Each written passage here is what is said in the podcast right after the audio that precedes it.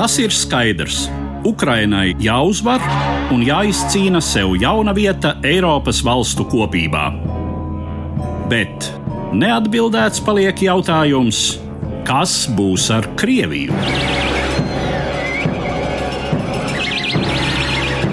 Katra mēneša pēdējā ceturtdienā pēc trījiem es, Eduards Liniņš, uzdošu šo jautājumu Latvijas un ārvalstu ekspertiem. Mēs mēģināsim saprast, kas visticamāk gaida mūsu austrumu kaimiņu valsti un ko no tās varam sagaidīt mēs. Labdien, cienījamie klausītāji! Nesen sociālajos tīklos parādījās kāds vizuāls materiāls - koordinātu plakne, kurā Puķina režīmam opozicionārās personības izkārtotas atbilstoši diviem kritērijiem - atbalstošai attieksmei pret Ukrainu un antiimpēriskai nostājai, neņemos galvot par materiāla veidotāju absolūto objektivitāti, taču visumā tas atbilst arī maniem priekšstatiem priekšstatiem. Pašā augšējā labajā koordinātu plaknes stūrī, kur atbalsts Ukrainai un antiimpēriskums tiek vērtēts kā visaugstākais, lasāms mākslinieces, rakstnieces un publicistes Katerinas Margolis vārds. Dzimusi Maskavā, dziļi iesakņotā Krievijas inteliģences ģimenē, nu jau vairāk nekā desmit gadus māksliniece pastāvīgi dzīvo un rada Venecijā. Katerina Margolis šodien ir mana sarunbiedre tiešsaistē, un mūsu sarunu, kā līdz šim raidījumu ciklam ierasts, sāku aplūkojot scenāriju par esošā Krievijas Krievijas režīma saglabāšanos uz ilgāku laiku.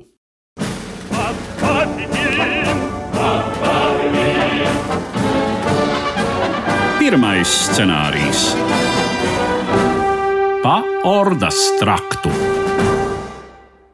Этот режим строился как раз с прицелом, минимально зависел от мнения людей, от мнения большинства. Это не демократическая структура, соответственно, рычаги давления на власть и какой-то зависимости соответствующей власти от мнения людей minimāli. Šīs režīms tika izveidots tieši ar tādu mērķi, lai tas būtu neatkarīgs no cilvēku viedokļiem, no vairākuma viedokļa. Tā nav demokrātiska struktūra. Attiecīgi, spiediena sviras uz varas iestādēm un kaut kāda attiecīgo iestāžu atkarība no cilvēku viedokļiem ir minimāla. Tas ir kas visai autonoms, kā teiksim, zemūdene vai bunkuri. Visas šīs klaustrofobiskās metafāras, šie tehniskie līdzekļi, kuri viņiem tā patīk, lieliski atspoguļo notiekošā būtību. Ir izveidots tāds izredzēto oligārhu pulciņš, tāda krimināla grupa, kas cenšas sevi padarīt maksimāli neatkarīgu no cilvēku viedokļiem. Tas pirmkārt. Tas ir acīm redzami un vispār zināmi. Šai sakrā nav jābūt speciālistam. Bet ir daudz skumjāka lieta, ko es redzu - kultūras, valodas un tā tālāk līmenī. Šī vara, lai arī neleģitīma, jo leģitīma vēlēšana nav bijis, tā tomēr lielā mērā, diemžēl, reprezentē sabiedrību. Tāpat atbilst, ja ne gluži vēlmēm, tad priekšstatiem par to, kādai jābūt varai - cariskai, uzurpatoriskai, tirāniskai. Tā atbilst dziļākajiem Krievijas sabiedrības priekšstatiem, kas sakņojas vardarbības vēsturē, traumās, kas uzkrātas daudzās, daudzās, daudzās paudzēs un par kurām, protams, nav ticis atbilstoši reflektēts. Tās nav izskaustas. Manuprāt, galvenais āķis, galvenais bacilis, hroniskā slimība, kas lielākā vai mazākā mērā vieno visus Krievijas sabiedrības slāņus, ir šis impērijas bacilis. Dažām tas dzīvo snaudošā stāvoklī, citiem aktīvi agresīvā. Putins un kompānija ir to ļoti sekmīgi novērtējuši. Resentiments, pārestības izjūta, pavārtes diženums, priekšstats par diženumu kā kaut kādiem agresīviem aktiem un pretinieka agresīvu nospiešanu. Tāda domāšana ļauj pat neveiksmi pasniegt kā milzīgu izdošanos. Можно и неудачу представить с большой удачей. Здесь Tātad jūs domājat, ka tas sakņojas dziļi nācijas mentalitātē? Lai gan Krievijas teritorijā jau dzīvo vismaz vairākas diezgan pilnvērtīgas nācijas. Tomēr laikam gan ir tāds fenomens, kā arī tās augtās mazākās Krievijas tautas ir iekļāvušās tais straumē. Arī tām patīk būt šajā impērijā, būt daļai no tās. Это даже не нравится, это даже не вопрос, а это настолько глубоко сидит и настолько оттуда вытащен. Tepat nav runa par patīk vai nepatīk. Tas ir tik dziļi esošs un tik ļoti no turienes izvilkts tāds arhetipisks priekšstats par sevi un savu valsti, ka tas pat nav izvēles jautājums. Es šobrīd vēroju milzumu, kultūrālu, pieaugušu, opozicionāru noskaņotu liberālu cilvēku intelektuāļu, kuri to nespēja sevi atpazīt. Kaut lingvistikā, izrunāto vārdu līmenī, tas ir pilnīgi acīm redzami, bet introspekcija ir grūta lieta. Ja cilvēkam, kurš nav radis reflektēt un attiecībā uz kuru ir izdarīts viss, lai viņš nekad nereflektētu, tas viss ir pilnīgi neiespējami, tad minoritāšu pārstāvis sevi izjūt arī kā daļu no šī lielā, vienotā, taisnīgā spēka, kas sevi visai pasaulē prezentē, kas par kaut ko cīnās, kaut ko aizstāv un ir vienīgais pasaules glābējs no rietumu vērtībām. Tālāk var priekšstatīt visdažādākās propagandas mēmes. Tie kā LEGO klucīši ir saliekami dažādās kombinācijās. Komplekts ir visiem zināms оппозиции, либералы, как хотите называйте, мыслящий класс, креативный класс. Эти люди, например, вот уехали сейчас. Opozīcija, liberāļi, domājošā šķira, kreatīvā šķira. Šie cilvēki, kas ir aizbraukuši tagad pēc 24. februāra. Tātad sižets, kas attīstās mūsu acu priekšā, tie ir cilvēki, kuri ir nepārprotami pret režīmu, kuri cīnījās, uzstājās, mēģināja kaut ko darīt. Es nevēlos to nekādā ziņā noniecināt, bet šie cilvēki ierodas citās valstīs, kuras viņus uzņem un uzvedas tur tā, it kā viņi te būtu ieradušies šīs valstis aplaimot ar savu kultūru, savu progresīvo Maskavas tusiņu, ar savu televīziju, radio, vieslekcijām un turnejām. Un viņi ir ļoti apmulsuši, kad sastopas ar kādu negatīvu attieksmi pret to visu un uztver to par nekulturālību.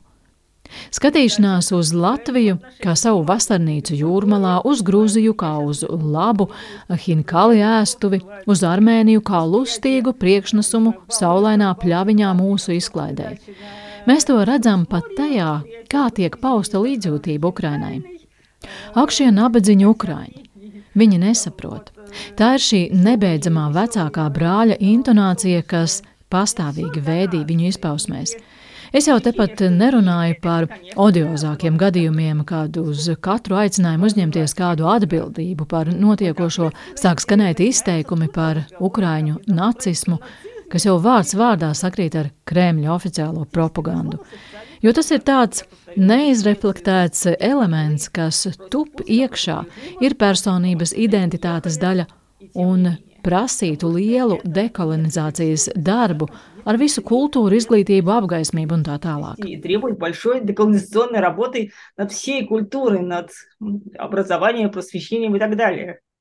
Diezgan skaidri var paredzēt, ka īstenojoties režīma saglabāšanās modelim, tiek celts jauns dzelzs priekškars, bet Krievija diezgan neizbēgami aizvirzās Āzijas virzienā un kļūst par piedēkli pirmkārt Ķīnai. Bet vai nonākšana Ķīnas pakļautībā nav tāds baiļu faktors un kritiskais moments Krievijas iedzīvotājiem? Я думаю, что об этом, ну, во-первых, об этом, конечно, недостаточно Pirmkārt, nedomāju, ka plašākā sabiedrības diskusija telpā par to tiek pietiekami daudz spriests. Jā, es lasīju, ka Vladivostokā ir atklāta bezmuitas tirdzniecība ar Ķīnu un ka tā kļūst par tādu atklātu, pa pusēji Ķīnas ostu. Mežs tiek cirsts un vests ārā jau vēl zina cik gadus. Klusa Ķīnas ekspansija Sibīrijā ir notikusi jau ļoti, ļoti sen. Atceros, Pēterburgā pirms pāris gadiem mani pārsteidza tas, ka grāmatnīcā Ņevas prospektā pilsētas metro visi uzraksti bija trīs valodās - krievu, angļu un ķīniešu. Tā ka tas ir ļoti iespējams scenārijs, Par to daudz tiek runāts. Man nešķiet, ka tas ir kaut kas no fantāzijas sfēras. Tas ir pilnīgi realistiski Из области научной фантастики, совершенно реалистичный уже. Pirms pāriet pie mūsu otrā scenārija - maza atkāpe. Mūsu saruna tika ierakstīta pirms vēl bija noticis Vāgnera grupas spilgtais, bet īslaicīgais dumpis. Tas iespējams liktu mūsu sarunā nedaudz citus akcentus, bet tā tad. И мальчики, да, мальчики кровавые глаза! Otrais scenārijs - Juku laiki.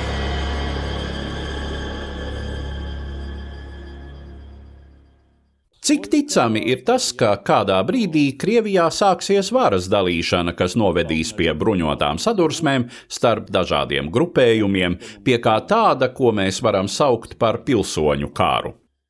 Ну, по-моему, очень вероятно огромное количество. Во-первых, вот уже эти как бы неподконтрольные такие формирования, как набранные из уголовников, Es domāju, ka tas ir ļoti iespējams. Ir milzīgs skaits tādu nekontrolētu no noziedzniekiem savērvētu grupu. Putina režīms ir būvēts uz likumības imitācijas.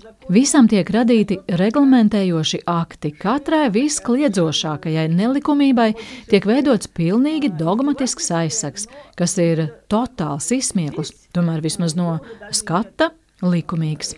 Bet šajā gadījumā nav pat tāda ļaudis ar milzu cietumsodiem, recidīvisti, atbrīvot no ieslodzījuma vietām, dodas nogalināt citus cilvēkus un par šīm papildu slepkavībām saņem amnestiju. Tas neietilpst nekādā pat visciniskākajā un liekulīgākajā likumības scenārijā. Un šādu cilvēku ir milzīgs skaits, viņus visus Ukrainā nenogalinās. Un vispār ir milzīgs skaits karojošo, mobilizēto. Viņi visi tiks demobilizēti. И они видели и творили своими руками эти зверства. Viņi ir redzējuši un savām rokām darījuši visas šīs zvērības. Mēs visi lasījām par atklāto Bučā, Irpiņā, Izjumā, Mariupolē un citur. Tagad Dņepras kreisajā krastā, kur viņi šauj mugurā citiem cilvēkiem, kuri evakuējas no viņu pašu sarīkotās katastrofas. Respektīvi, tie ir cilvēki, kuri ir pieraduši slepkavot, viņiem vairs nav nekādu bremžu pieļaujamās vardarbības sakarā. Šī vardarbība atgriezīsies ģimenēs. Cik tālu Krievijā ir arī dekriminalizēta vardarbība ģimenē? Un tas nav nejauši agresija, vardarbība. Šī brutālo tēviņu valsts tiek īpaši kultivēta no iekšienes. Tagad šie cilvēki ir sajutuši asins garšu. Viņi ir dziļi traumēti, viņi ir nevaldāmi, un viņi atgriežas un sāk attiecīgi uzvesties. Jau tagad parādās tieksmes sist sievas, bet nākotnē tā būs masveidīga parādība.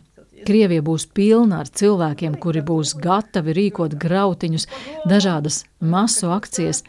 Viņus ir ļoti grūti kontrolēt, vēl jo vairāk tādā brūkošā valstī. Plus ir šie privātie militārie formējumi, bruņoti cilvēki, plaša ieroču aprite. Tā kā tas ir ļoti ticams scenārijs. Cik tas var vispār ietekmēt Krievijas kā valstiska veidojuma stabilitāti? Может, сильно, безусловно, может повлиять сильно, поскольку все равно понимаем, что исторический вектор любой империи – это распад. Neapšaubāmi var stipri ietekmēt. Mēs taču saprotam, ka ik vienas impērijas vēsturiskais vektors ir sabrukums. Krievijam ir zināms anahronisks veidojums, kas atrodas pussabrukšanas stāvoklī. Padomju Savienība sabruka, bet ne līdz galam. Šis pussabrukšanas periods izrādījās ilgs, relatīvi ilgs 30 gadi. Vēstures mērogos jau necik daudz laika nav pagājis. Tātad šī ir tāda nepilnīga impērija, tāds impērijas aplauzīts gabals, kas tomēr turpina būt impēriskās apziņas nesējs, impērisko nojēgumu, impēriskās politikas, impēriskās agresijas ražotājs. Tajā pat laikā var notikt nacionālās pašapziņas pieaugums reģionos. Un tas jau notiek. Es zinu, piemēram, ka Jakutijā auga nacionālā pašapziņa, sevis kā atsevišķa suverēnas tautas apzināšanās.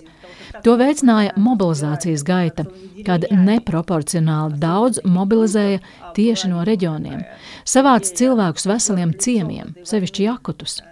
Acīm redzot, bija tāda ideja par šī kara seju padarīt minoritātes.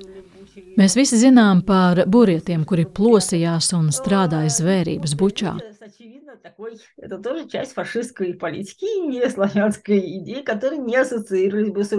Потому что была объявлена частичная, так сказать, полная мобилизация, просто потому что не хватало уже ресурсов. Но изначальная идея прослеживалась, очень ясно. Сделать а, мешаться лицом этой войны, так сказать, уйти от э, такой моральной имиджевой ответственности. Tā arī ir fašistiskās politikas daļa - kara priekšplānā izvirzīt cilvēkus ar neslāvisku ārieni, kuri neascēs ar krieviem. Vēlāk gan eh, nācās tā saucamās daļējās mobilizācijas ietvaros ņemt visus pēc kārtas, jo trūka resursu, bet sākotnēji šī ideja iezīmējās ļoti skaidri - padarīt mazākumtautības par šī kara seju, šādi izvairoties no atbildības nācijas tēla līmenī. Bet eh, tas ir izraisījis pretreakciju Jakutijā, Burjatijā, uz kurieni tagad eh, lielā skaitā plūst zārki. Šīm mazajām tautām tas jau draud ar iznīkšanu. Te, manuprāt, kvantitatīvais faktors ir visai svarīgs. Atšķirībā no milzīgās Krievijas kopumā, kur šie desmit tūkstoši vienkārši iegāžas nebūtībā. Tāpēc visnotaļ var notikt, ka līdztekus iekšējiem konfliktiem, varas un mantas dalīšanai, kriminālu grupu cīņām var pieaugt tieksme pēc suverenitātes. Vēl jo vairāk tas sakrīt ar vēsturisko, kā varam cerēt, šīs impērijas sabrukuma tendenci.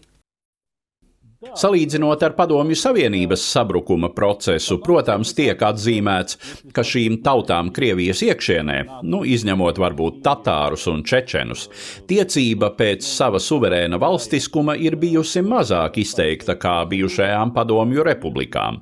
No otras puses, skatoties vēsturē, Karš ir straujas nacionālās apziņas nobriešanas faktors, un te nu latvieši ir pats spilgtākais piemērs - latviešu strēlnieki Pirmajā pasaules karā. Te visi šie faktori ir klātesoši asins izliešana, neapmierinātība ar to, ka vāra un armijas vadība izmanto šīs daļas kā lielgabalu gaļu, tas viss ļoti pātrināja nacionālās pašapziņas veidošanos, jo līdz Pirmajam pasaules karam doma par neatkarīgu Latviju bija pilnīgi margināla, bet burtiski dažu gadu laikā nobrieda līdz realizācijai. Это абсолютно вероятно, и действительно все эти факторы все эти факторы присутствуют, уж не будем говорить даже про Республику Ичкерiju, par Šešņu. Jā, tas ir absolūti iespējams. Patiešām visi šie faktori ir klātesoši. Nerunāsim nemaz par Ičkerijas republiku, respektīvi Čečeniju, kurai vispār jau pēc Savienības līguma vajadzēja būt neatkarīgai, un vispār par visu šo Kaukāza mezglu, kur kāds ir tam gatavāks un jau sen par to cīnās, cits tikai briest, Bet, protams, ātri nobriedīs. Tas eh, notiks mūsu acu priekšā. Mēs to pieredzēsim. Kas, protams, nozīmē to, ka šīm valstīm stāv priekšā diezgan daudz problēmu, kas būs jārisina. Bet eh, kuram gan šai ziņā ir bijis viegli? Svoboda, она такая. Jā, tāda tā brīvība ir. Jebkurā gadījumā katrai no šīm valstīm nāksies strādāt ar savu pagātni, veikt visai lielu darbu, nosacīt sekot derašizāciju. Jo tās visas bijušas saindētas ar vienu un to pašu indi, elpojušas vienu un to pašu saindēto gaisu. Vienkārši vairāk vai mazāk vienotas nacionālas valsts iekšienē to ir daudz vieglāk izdarīt, jo tas ir daudz veselīgāks veidojums ir daudz lielākas iespējas to izstrādāt un noslēgt šo procesu kā atvesaļotai nācijai. Э, оздоровленной нации из этого.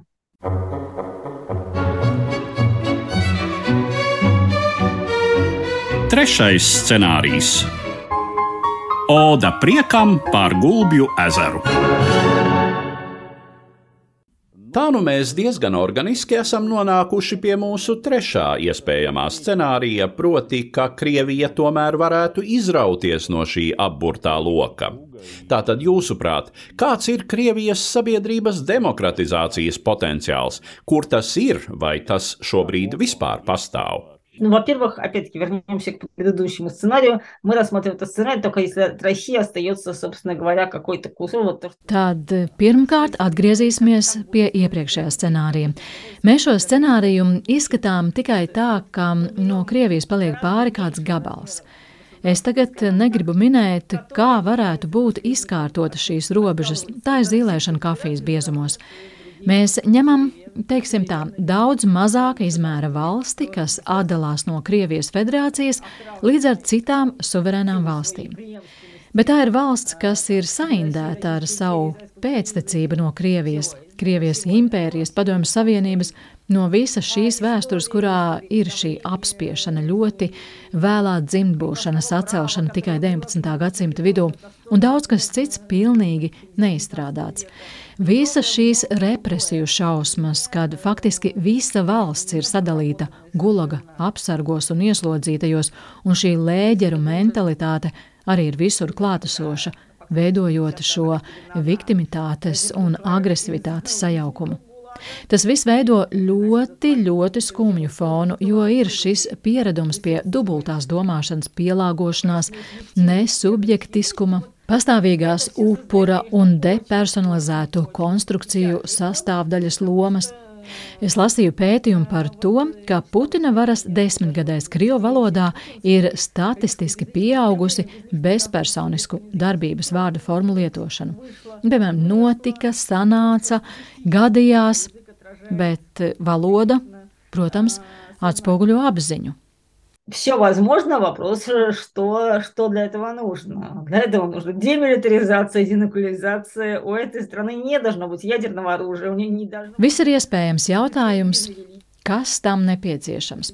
Nepieciešama demilitarizācija, denuklearizācija, Šai valstī nedrīkst būt kodolieroči.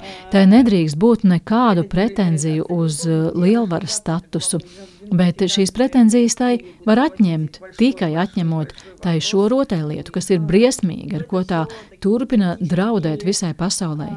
Jānotiek derašizācijai, līdzīgi kā notika denacifikācija Vācijā. Tikai kas to veiks? Tas ir liels, liels, liels jautājums, bet teorētiski tas ir nepieciešams priekšnoteikums. Protams, reparācijas Ukrainai un cietušajiem subjektiem, tad izglītojošs darbs, pāraudzināšana. Protams, lustrācija. Obligāti. Lai neviens no tiem, kas piedalījās šīs sistēmas būvēšanā un tās pārkrāsošanā pēc PSRS sabrukuma, nepaliktu amatos. NKVD, KGB, FSB likvidēšana līdz pamatiem, jo, kā mēs zinām, šī infekcija prot atdzimt bezgalīgi. Patiesību sakot, tas arī bija izšķirošais faktors tam, ka īsta pārkārtošanās nenotika, un tagad pie varas stūres ir KGB. Šeit, protams, rodas jautājums, cik lielā mērā jūsuprāt rietumi ir gatavi tajā ieguldīties, jo šī uzdevuma apjoms ir tāds, ka pašreizējā palīdzība Ukrainai pret to ir piliens jūrā. Kaut vai laika ziņā, pēc pēckara Vācijas piemēra mēs zinām, ka tās ir desmitgades. Iespējams, būtu vajadzīga kāda intervence, pat militāra okupācija vismaz atsevišķās valsts daļās. Tas nozīmē, ka rietumiem šajā uzdevumā būtu jāiejūdzas ar pilnu jaudu.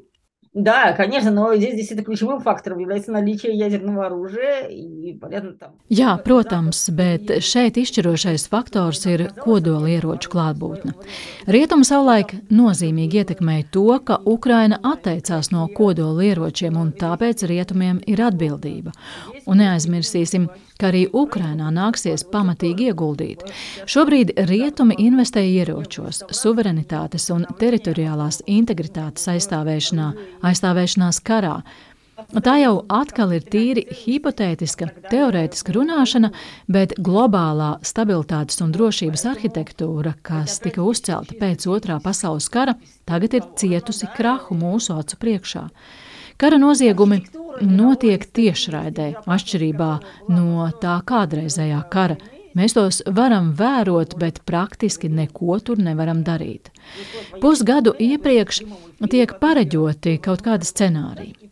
Apmēram pirms pusgada es klausījos vienu britu ekspertu par iespējamu aizsprosta uzspridzināšanu. Un lūk, šis scenārijs ir īstenojies tādā pilnīgi bībeliskā, эсхатологическā, zvērīgā veidā. Многие другие сценарии, но худшие тоже могут, включая ядерный, могут реализоваться. Что с этим делать? Var īstenoties arī daudz citi vēl sliktāki scenāriji, tā skaitā kodola scenārijs. Ko ar to iesākt? Tas nepārprotami ir politiķu, speciālistu, ekspertu ziņā. Nenoliedzami problēma ir tā, ka Krievijai ir bijis ļauts automātiski mantot Padomju Savienības vietu apvienotajās nācijās bez pietiekami leģitīma pamatojuma. Tas, ka Padomju Savienība pēc otrā pasaules kara bija sabiedrotā Hitleru uzvarējušā koalīcijā un tika pievērtas acis uz to, ka tās režīms ir noziedzīgs, genocīdisks, Tādējādi šī toreizējā uzvara kļuva par ērtu vairogu, bet nu jau arī par zobenu, lai turpinātu to pašu. Tāpēc, ja tik tālu nonāks, ja tiks atrasts kāds veids, kā Krievijai atņemt kodolieročus, tad pārējais nebūs šķērslis, jo tas ir globālās drošības jautājums. Tāpēc, protams, rietumiem tas ir jādara. Kopumā rietumi ir diezgan noskaņoti ieturēt kursu uz pēckara stabilitāti, jo tiem nākas ļoti grūti e, pārskatīt dažus konceptus, klišejas, tā skaitā attiecībā uz Krieviju. Tad nu, tas notiek lēnām un ar čīkstēšanu, neskatoties uz notiekošā acīm redzamību un šausmīgumu. Notiek ar lielu kavēšanos. Diemžēl. Это происходит с большим отставанием, к сожалению.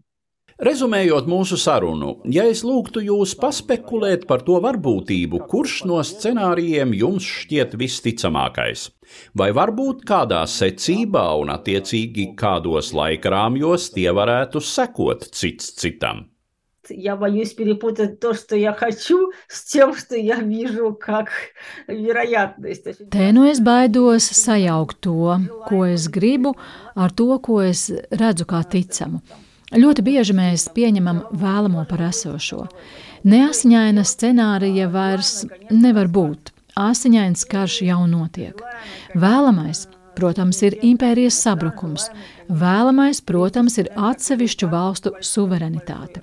Vēlamais, protams, ir trešais scenārijs, kā rezultāts lielam, lielam darbam ar visiem priekšnosacījumiem - lustrācija, derašizācija, denuklearizācija viss, ko mēs ar jums uzskaitījām.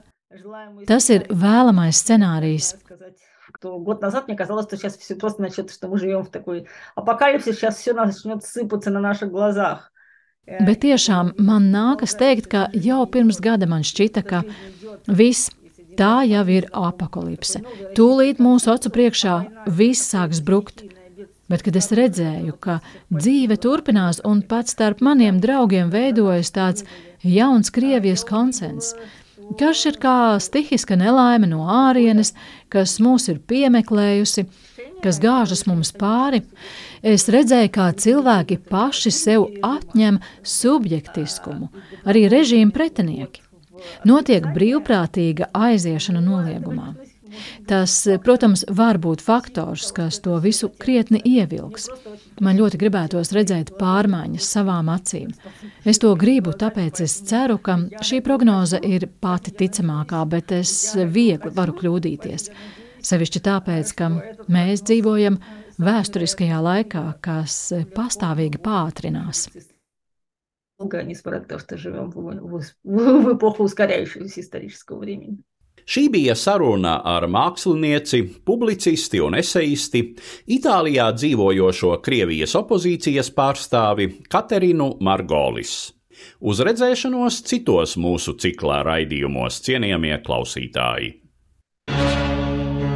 Kas būs ar Krieviju? Neizbēgamie jautājumi un iespējamās atbildes par mūsu austrumu kaimiņu valsts nākotni. Katra mēneša pēdējā ceturtdienā pēc trījiem Latvijas Radio 1.